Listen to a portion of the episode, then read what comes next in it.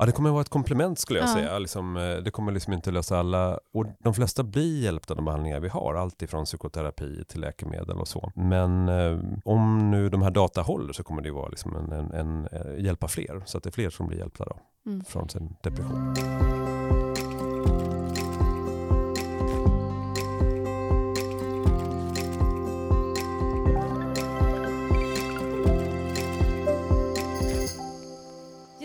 Pågår en forskning för att behandla depression med svampar. Därför träffar vi Mikael Tiger, forskande psykiatriker i ämnet. Och vi som håller i trådarna är Nikita Silot. Och Sara Folker. Det här är Naturvetarpodden.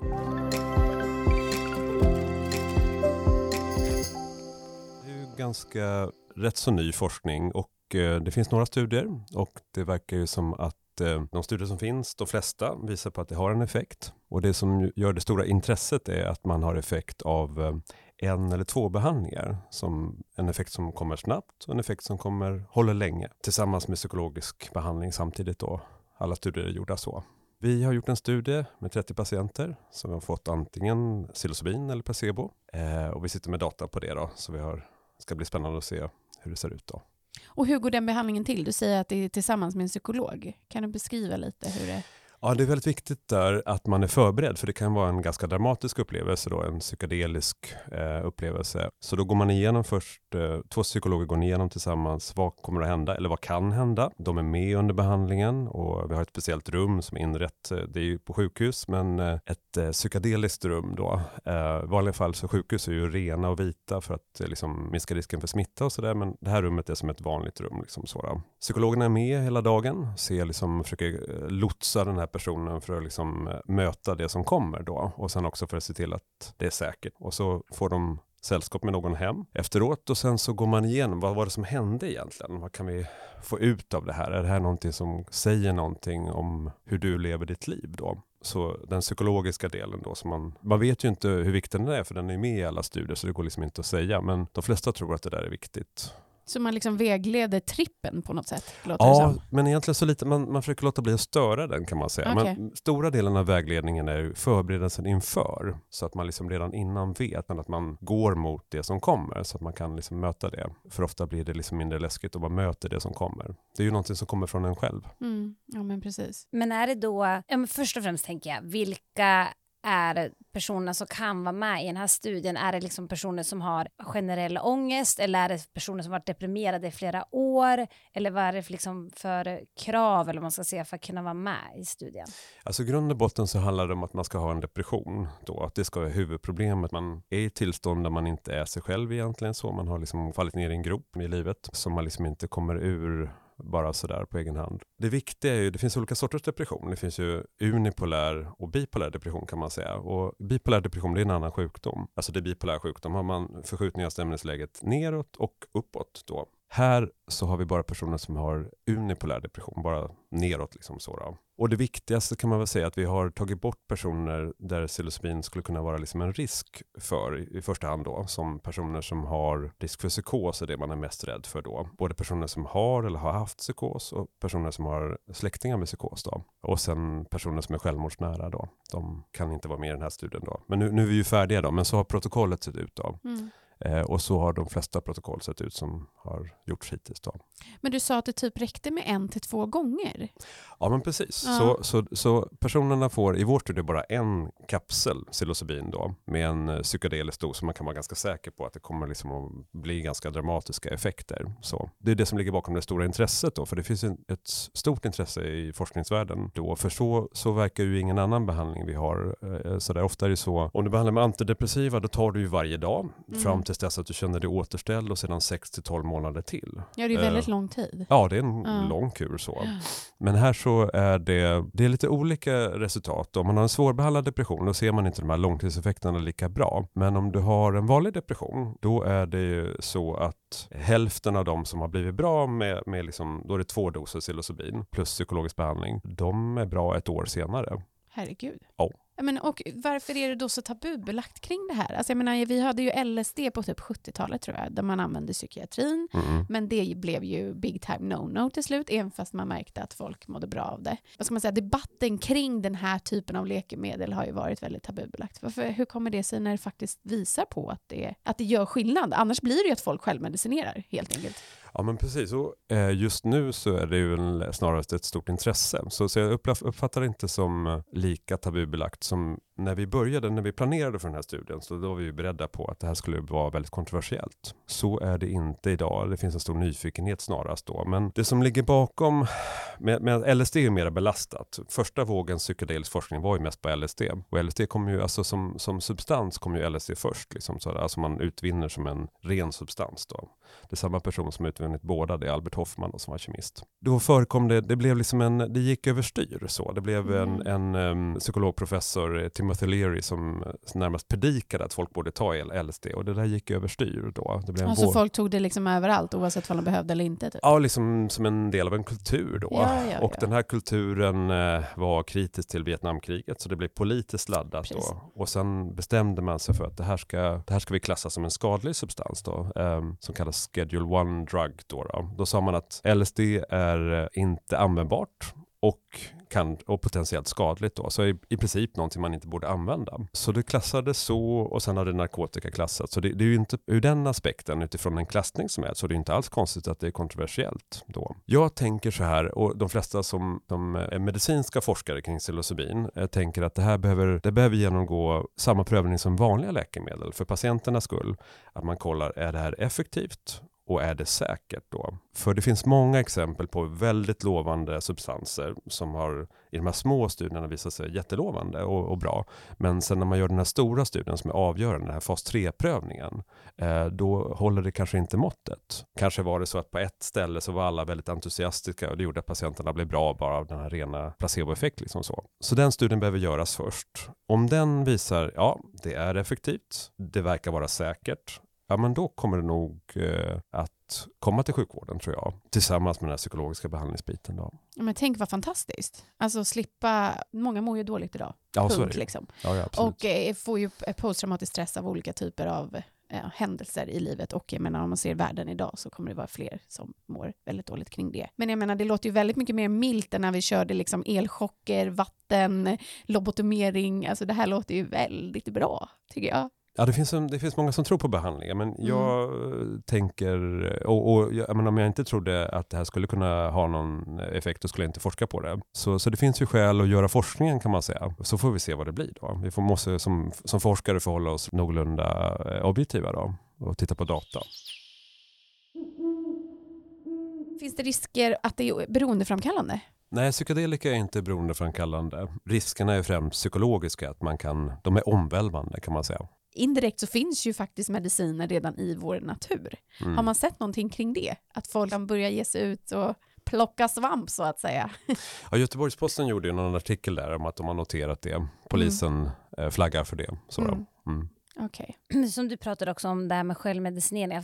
Vissa självmedicinerar ju för att de mår så pass dåligt. Mm. Men vad skulle du se liksom för risker och faror med att självmedicinera psilocybin? Alltså man vet ju inte hur man kommer reagera om man tar eh, psilocybin. Och man ska absolut inte, egentligen man ska inte ta det på egen hand. Man hamnar ju i ett tillstånd när man, inte, när man förlorar kontrollen och man kan utsätta sig för fara och risk utifrån det. Då. Sen vet man ju inte hur man kommer, om man nu skulle ha otur och få en psykos till exempel, då, även om det inte är så vanligt, så, så den risken finns ju. Och en, en del blir sämre, en del har fruktansvärda upplevelser. Så, så man utsätter sig för en risk. Jag tänker att det är väldigt potenta substanser ändå, även om det kan låta milt. Så psykologiskt sett är det väldigt potenta substanser. Det kan ändra hur man ser på livet, vilket kan ju bli bra eh, med lite lotsning och om man landar rätt. Men det kan också bli dåligt. Och vad skulle krävas då för att det skulle kunna bli godkänt? Och hur, lång, alltså hur går den processen till? Efter er studie nu, den är avslutad om jag förstod det rätt? Ja, det stämmer. Precis. Ja. Vi har eh, undersökt alla patienter och sitter nu med data. Mm. Då. Nej, men eh, man gör, samlar ihop tillräckligt mycket data och sen måste det vara, så kommer in en ansökan om att få det godkänt. Då. Det hinner ofta gå till den amerikanska Food and Drug Administration, FDA, först. Då. Och så kollar de på data, ja, men finns det tillräckligt mycket? I, i regel behövs det vara en fas 3-prövningsdata liksom, innan man kan säga om det hjälper. Och då har man också också undersökt flera hundra personer. Då kan man säga någorlunda någonting om säkerheten också och kanske identifiera om det är några som absolut inte borde få behandlingen då. Men nu är alla studier gjorda så, så att folk som har risk för psykos kommer ju nog inte vara aktuella då. Det är en fas 3-prövning egentligen som behöver till och det, det, pågår en sån nu. Och sen samlar man in alla data kan man säga, titta på hur verkar det vara, liksom, hur, hur, hur stor är effekten? Är den stor nog? Just med depression finns det ju många bra behandlingar och då är det svårare att få en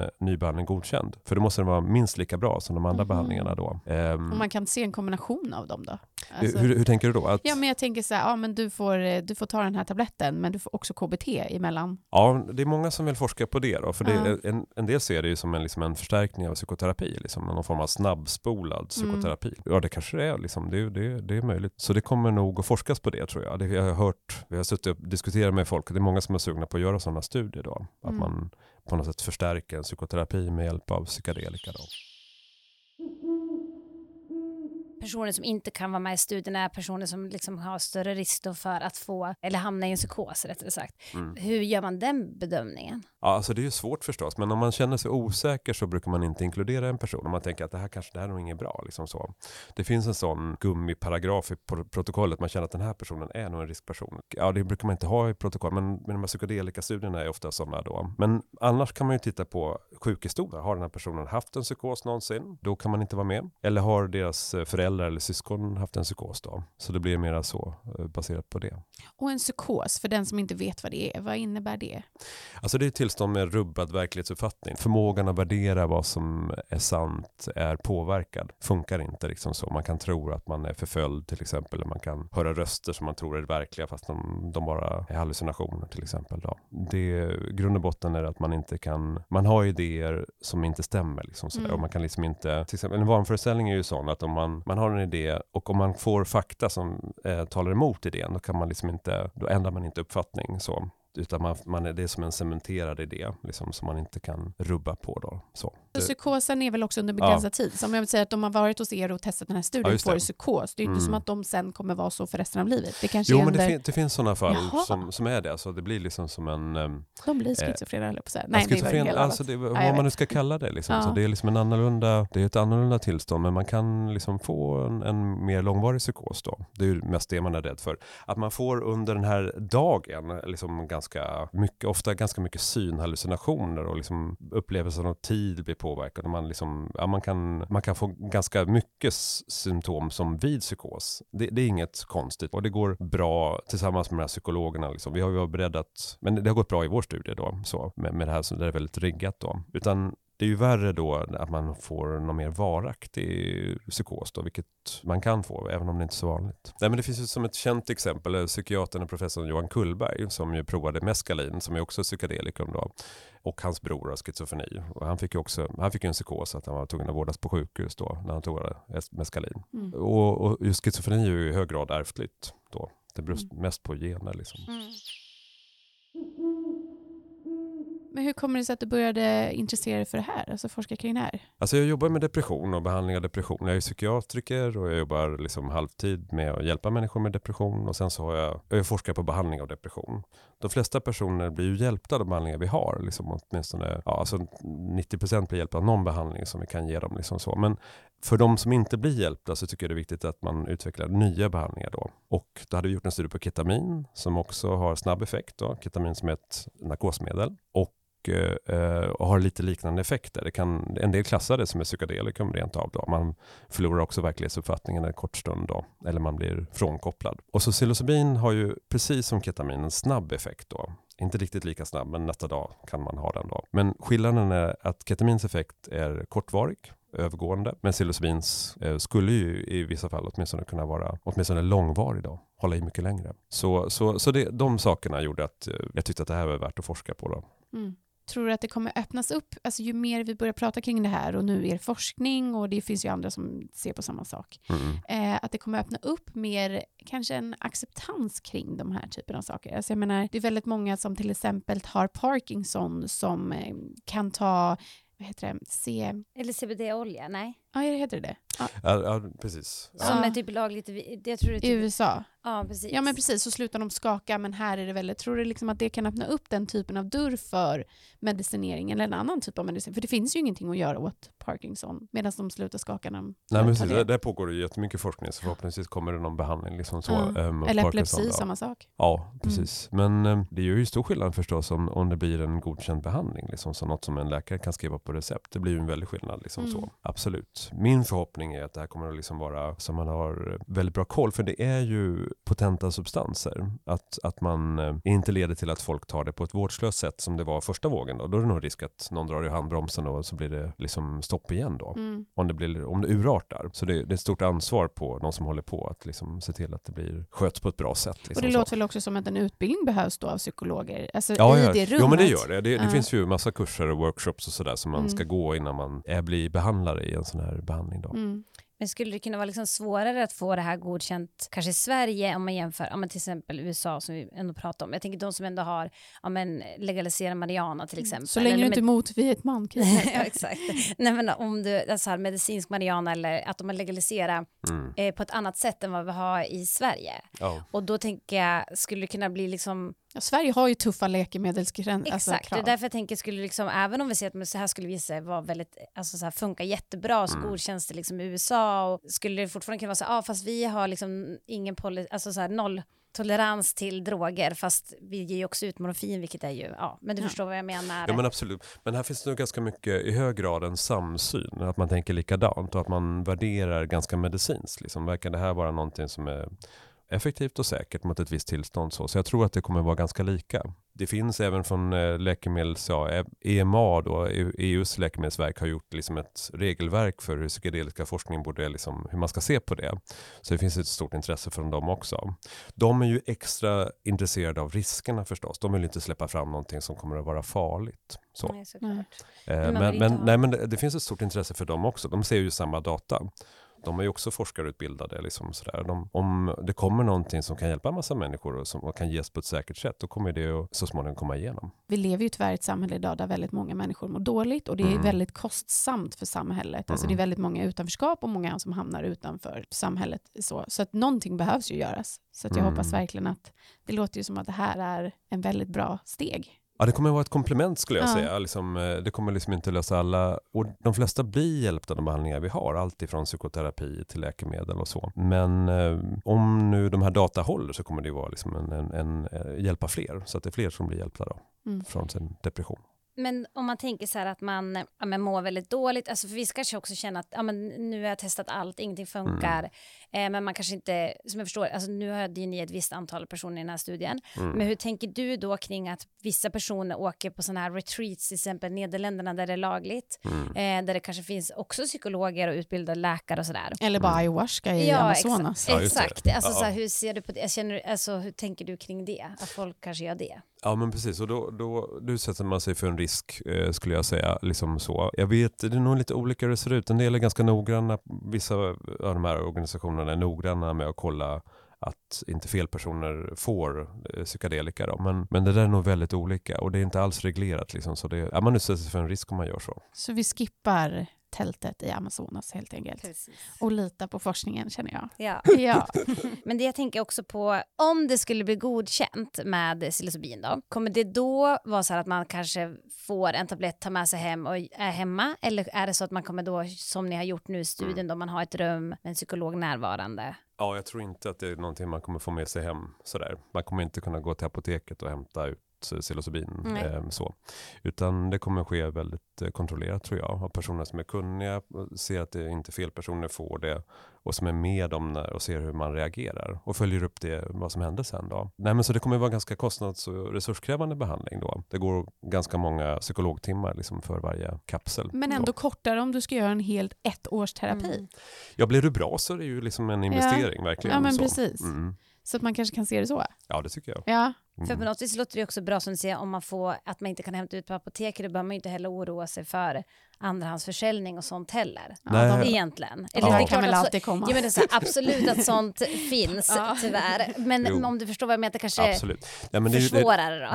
det, det är nog, så, om man bara tittar på, man måste ju på något sätt lära sig av historien. Och vi har liksom, det var ju en intensiv psykedelikaforskning som sedan urartade och, och det blev som en, en vårdslöshet. Liksom, så. LSD pratar du om då? Ja, eller? det, det gäller det Mm. mest. Liksom, så, Mm. Så, så det är viktigt att se till att det inte blir så igen. Liksom, så, så att, eftersom det verkar finnas potential här, så att det kan, vi kan förvalta det på ett ansvarsfullt sätt. Då. Det får inte urartas med LSD, vi får förvalta det och vi hoppas att allting kommer godkännas och bli bra. Helt Ja. enkelt. Tack snälla! Tack. Tack så mycket.